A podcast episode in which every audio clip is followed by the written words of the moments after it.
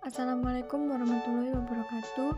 Saya Diana Selina dari kelas reguler akan menyampaikan materi aplikasi keperawatan transkultural dalam berbagai masalah kesehatan pasien dan sepanjang daur kehidupan. Menjadi seorang perawat bukanlah tugas yang mudah. Perawat terus ditantang oleh perubahan-perubahan yang ada, baik dari lingkungan maupun klien. Dari segi lingkungan, perawat selalu dipertemukan dengan globalisasi. Sebuah globalisasi sangat mempengaruhi perubahan dunia, khususnya di bidang kesehatan. Terjadinya perpindahan penduduk menuntut perawat agar dapat menyesuaikan diri dengan perbedaan budaya. Semakin banyak terjadi perpindahan penduduk, semakin beragam pula budaya di suatu negara. Tuntutan itulah yang memaksa perawat agar dapat melakukan asuhan keperawatan yang bersifat fleksibel di lingkungan yang tepat. Peran perawat sangat komprehensif dalam menangani klien karena peran perawat adalah memenuhi kebutuhan biologis, sosiologis, psikologis, dan spiritual klien. Namun, peran spiritual ini sering kali diabaikan oleh perawat. Padahal, aspek spiritual ini sangat penting terutama untuk pasien terminal yang diagnosa harapan sembuhnya sangat tipis dan mendekati sakaratul maut. Agama dalam ilmu pengetahuan merupakan suatu spiritual nourishment atau gizi rohani. Seseorang yang dikatakan sehat secara paripurna tidak hanya cukup gizi makanan, tetapi juga gizi rohaninya harus terpenuhi. Menurut hasil riset psikospiritual for AIDS patient, konsep pasien and for Terminal Illness Patient menyatakan bahwa orang mengalami penyakit terminal dan menjelang sakaratul maut lebih banyak mengalami penyakit kejiwaan, krisis spiritual, dan krisis kerohanian sehingga pembinaan kerohanian saat klien menjelang ajal perlu mendapat perhatian khusus. Dilihat dari latar belakang tersebut, didapatkan rumusan masalah yaitu bagaimana perawat bila dihadapkan pada situasi pasien menjelang dan saat kematian dan hal yang sebaiknya dilakukan perawat untuk membantu pasien tersebut dilihat dari proses transkultural dalam perawatan keperawatan berkenaan dengan globalisasi dan pelayanan kesehatan. Perspektif transkultural dalam keperawatan. Poin 1, keperawatan transkultural dan globalisasi dalam pelayanan kesehatan. Sebelum mengetahui lebih lanjut keperawatan transkultural, Perlu kita ketahui apa arti kebudayaan terlebih dahulu. Kebudayaan adalah suatu sistem gagasan, tindakan, hasil karya manusia yang diperoleh dengan cara belajar dalam rangka kehidupan masyarakat. Dan wujud-wujud kebudayaan antara lain, yang pertama ada kompleks dari ide, gagasan, nilai, norma, dan peraturan. Yang kedua, kompleks aktivitas atau tindakan. Yang ketiga adalah benda-benda hasil karya manusia. Teori transkultural dari keperawatan berasal dari disiplin ilmu antropologi dan dikembangkan dalam konteks keperawatan. Teori ini menjabarkan konteks atau konsep keperawatan yang didasari oleh pemahaman tentang adanya perbedaan nilai-nilai kultural yang melekat dalam masyarakat sangat penting memperhatikan keragaman budaya dari nilai-nilai dalam penerapan asuhan keperawatan kepada klien. Bila hal tersebut diabaikan oleh perawat, akan mengakibatkan terjadinya cultural shock. Cultural shock akan dialami oleh klien pada suatu kondisi di mana perawat tidak mampu beradaptasi dengan perbedaan nilai budaya. Tujuan dari transcultural nursing adalah untuk mengidentifikasi, menguji, mengerti dan menggunakan norma pemahaman keperawatan transkultural dalam meningkatkan kebudayaan spesifik dalam asuhan keperawatan. Asumsinya adalah berdasarkan teori caring. Caring adalah esensi dari membedakan, mendominasi, serta mempersatukan tindakan keperawatan. Perilaku caring diberikan kepada manusia sejak lahir hingga meninggal dunia. Human caring merupakan fenomena universal di mana ekspresi, struktur polanya bervariasi di antara kultur satu tempat dengan tempat lainnya. Selanjutnya, konsep konsep dan prinsip dalam asuhan keperawatan transkultural. Konsep dalam transkultural nursing adalah yang pertama adalah budaya. Norma atau aturan tindakan dari anggota kelompok yang dipelajari, dibagi serta memberi petunjuk dalam berpikir, bertindak, dan mengambil keputusan. Selanjutnya adalah nilai budaya, keinginan individu atau tindakan yang lebih diinginkan atau suatu tindakan yang dipertahankan pada suatu waktu tertentu dan melandasi tindakan dan keputusan. Selanjutnya, perbedaan budaya dalam asuhan keperawatan merupakan bentuk yang optimal dalam pemberian asuhan keperawatan. Selanjutnya, etnosentris yaitu budaya-budaya yang dimiliki oleh orang lain adalah persepsi yang dimiliki individu menganggap kebudayaannya adalah yang terbaik. Selanjutnya ada etnis, berkaitan dengan manusia ras tertentu atau kelompok budaya yang digolongkan menurut ciri-ciri dan kebiasaan yang lazim. Selanjutnya ada ras, perbedaan macam-macam manusia didasarkan pada mendiskreditkan asal-muasal manusia. Jenis ras umum dikenal Caucasoid, Negroid, dan Mongoloid. Selanjutnya ada etnografi atau ilmu budaya. Pendekatan metodologi pada penelitian Etnografi memungkinkan perawat untuk mengembangkan kesadaran yang tinggi pada pemberdayaan budaya setiap individu. Selanjutnya adalah care, fenomena yang berhubungan dengan bimbingan bantuan, dukungan perilaku pada individu, keluarga, dan kelompok dengan adanya kejadian untuk memenuhi kebutuhan baik aktual maupun potensial untuk meningkatkan kondisi dan kualitas kehidupan manusia. Selanjutnya adalah poin caring, tindakan langsung yang diarahkan oleh untuk membimbing, mendukung, dan mengarahkan individu, keluarga, atau kelompok pada keadaan yang nyata atau antisipasi kebutuhan untuk meningkatkan kondisi kehidupan manusia.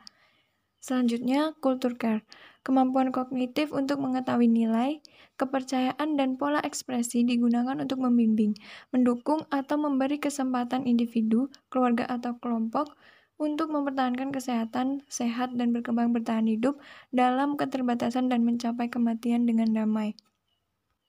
Selanjutnya, cultural imposition, kecenderungan tenaga kesehatan untuk memaksakan kepercayaan, praktek, dan nilai karena percaya bahwa ide yang dimiliki oleh perawat lebih tinggi dari kelompok lain.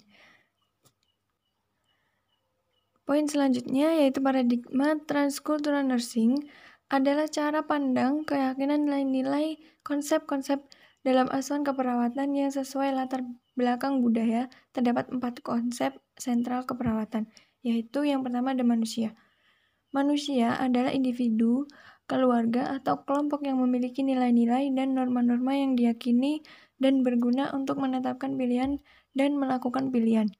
Menurut Reiner, maaf, Menurut Leininger, 1984, manusia memiliki kecenderungan untuk mempertahankan kebudayaannya pada setiap saat di mana pun dia berada. Yang kedua adalah sehat. Kesehatan adalah keseluruhan aktivitas yang dimiliki klien dalam mengisi kehidupannya.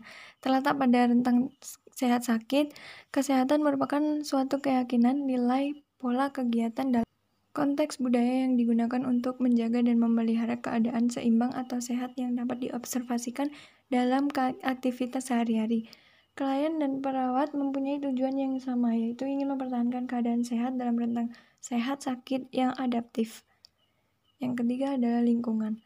Lingkungan didefinisikan sebagai keseluruhan fenomena yang mempengaruhi perkembangan, kepercayaan, dan perilaku klien. Lingkungan dipandang sebagai suatu totalitas kehidupan di mana klien dengan budayanya saling berinteraksi. Terdapat tiga bentuk lingkungan yaitu fisik, sosial, dan simbolik. Lingkungan fisik adalah lingkungan alam yang diciptakan oleh manusia seperti daerah katulistiwa, pegunungan, pemukiman padat, dan iklim seperti rumah di daerah Eskimo yang hampir tertutup rapat karena tidak pernah ada matahari sepanjang tahun. Lingkungan sosial adalah keseluruhan struktur sosial yang berhubungan dengan sosialisasi individu, keluarga, atau kelompok ke dalam masyarakat yang lebih luas. Di dalam lingkungan sosial individu harus mengikuti struktur dan aturan-aturan yang berlaku di lingkungan tersebut. Dan yang terakhir adalah lingkungan simbolik, adalah keseluruhan bentuk dan simbol yang menyebabkan individu atau kelompok merasa bersatu seperti musik, seni, riwayat hidup, bahasa, dan atribut yang digunakan. Poin selanjutnya yaitu keperawatan.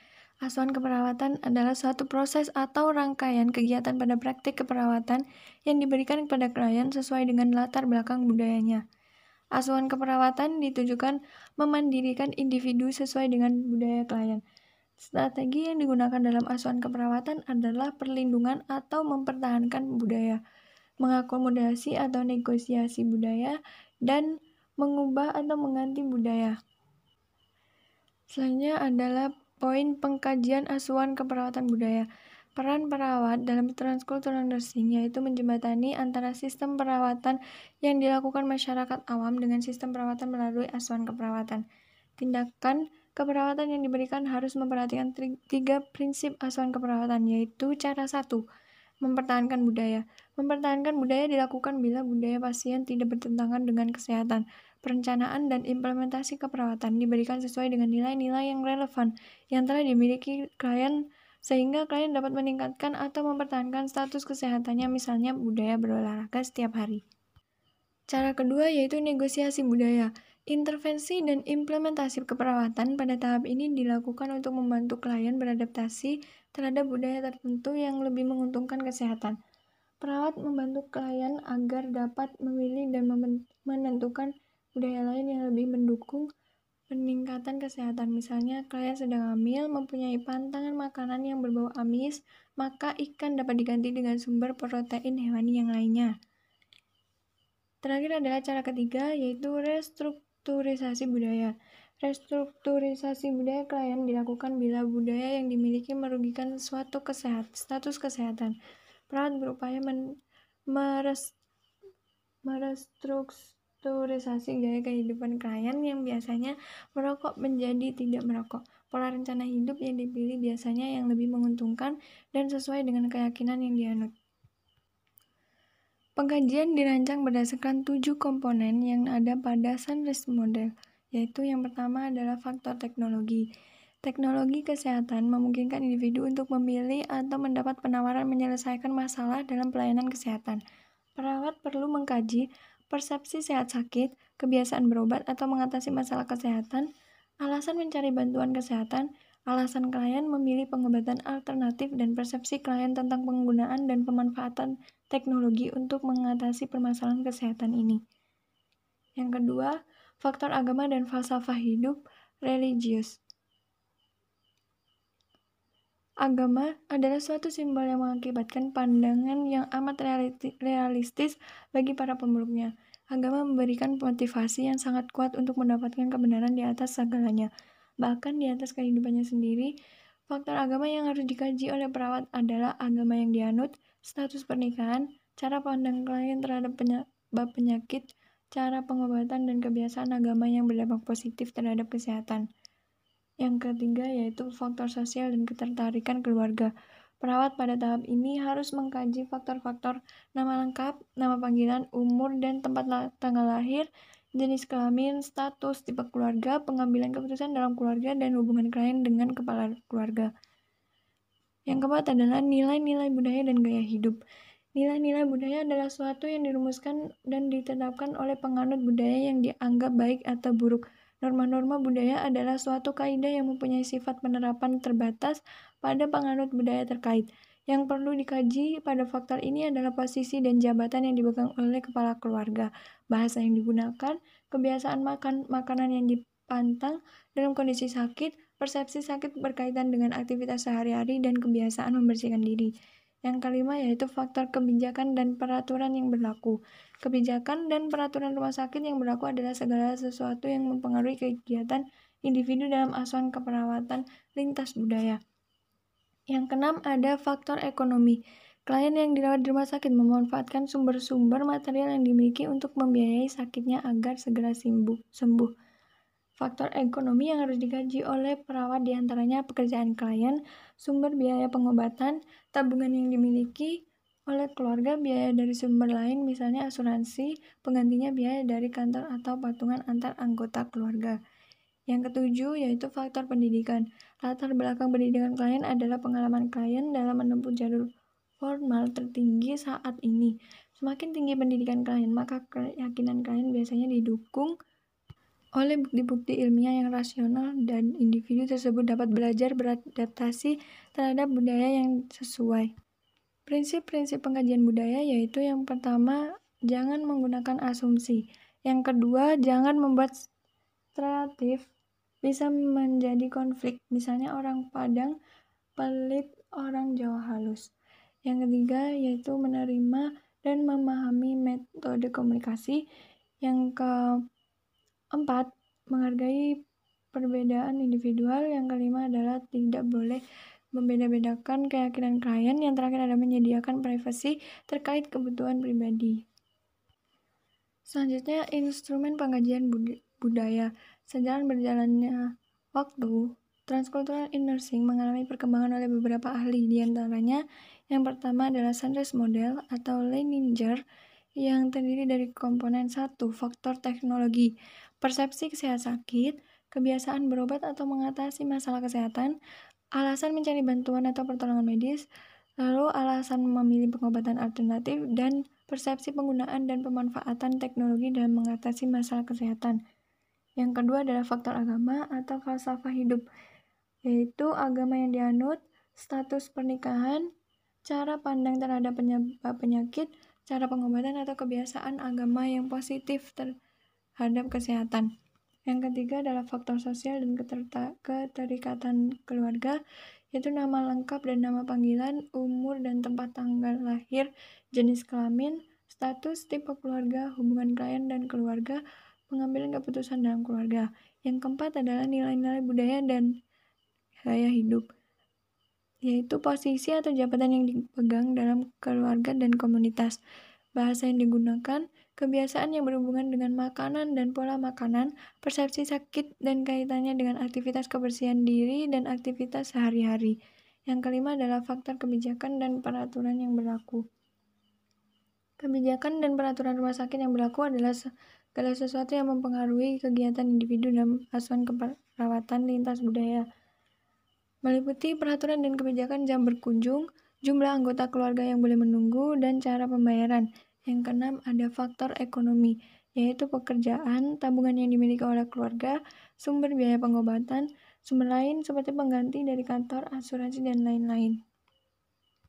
Yang terakhir adalah faktor pendidikan, yaitu tingkat pendidikan klien, jenis pendidikan, tingkat kemampuan untuk belajar secara aktif, dan pengetahuan tentang sehat sakit.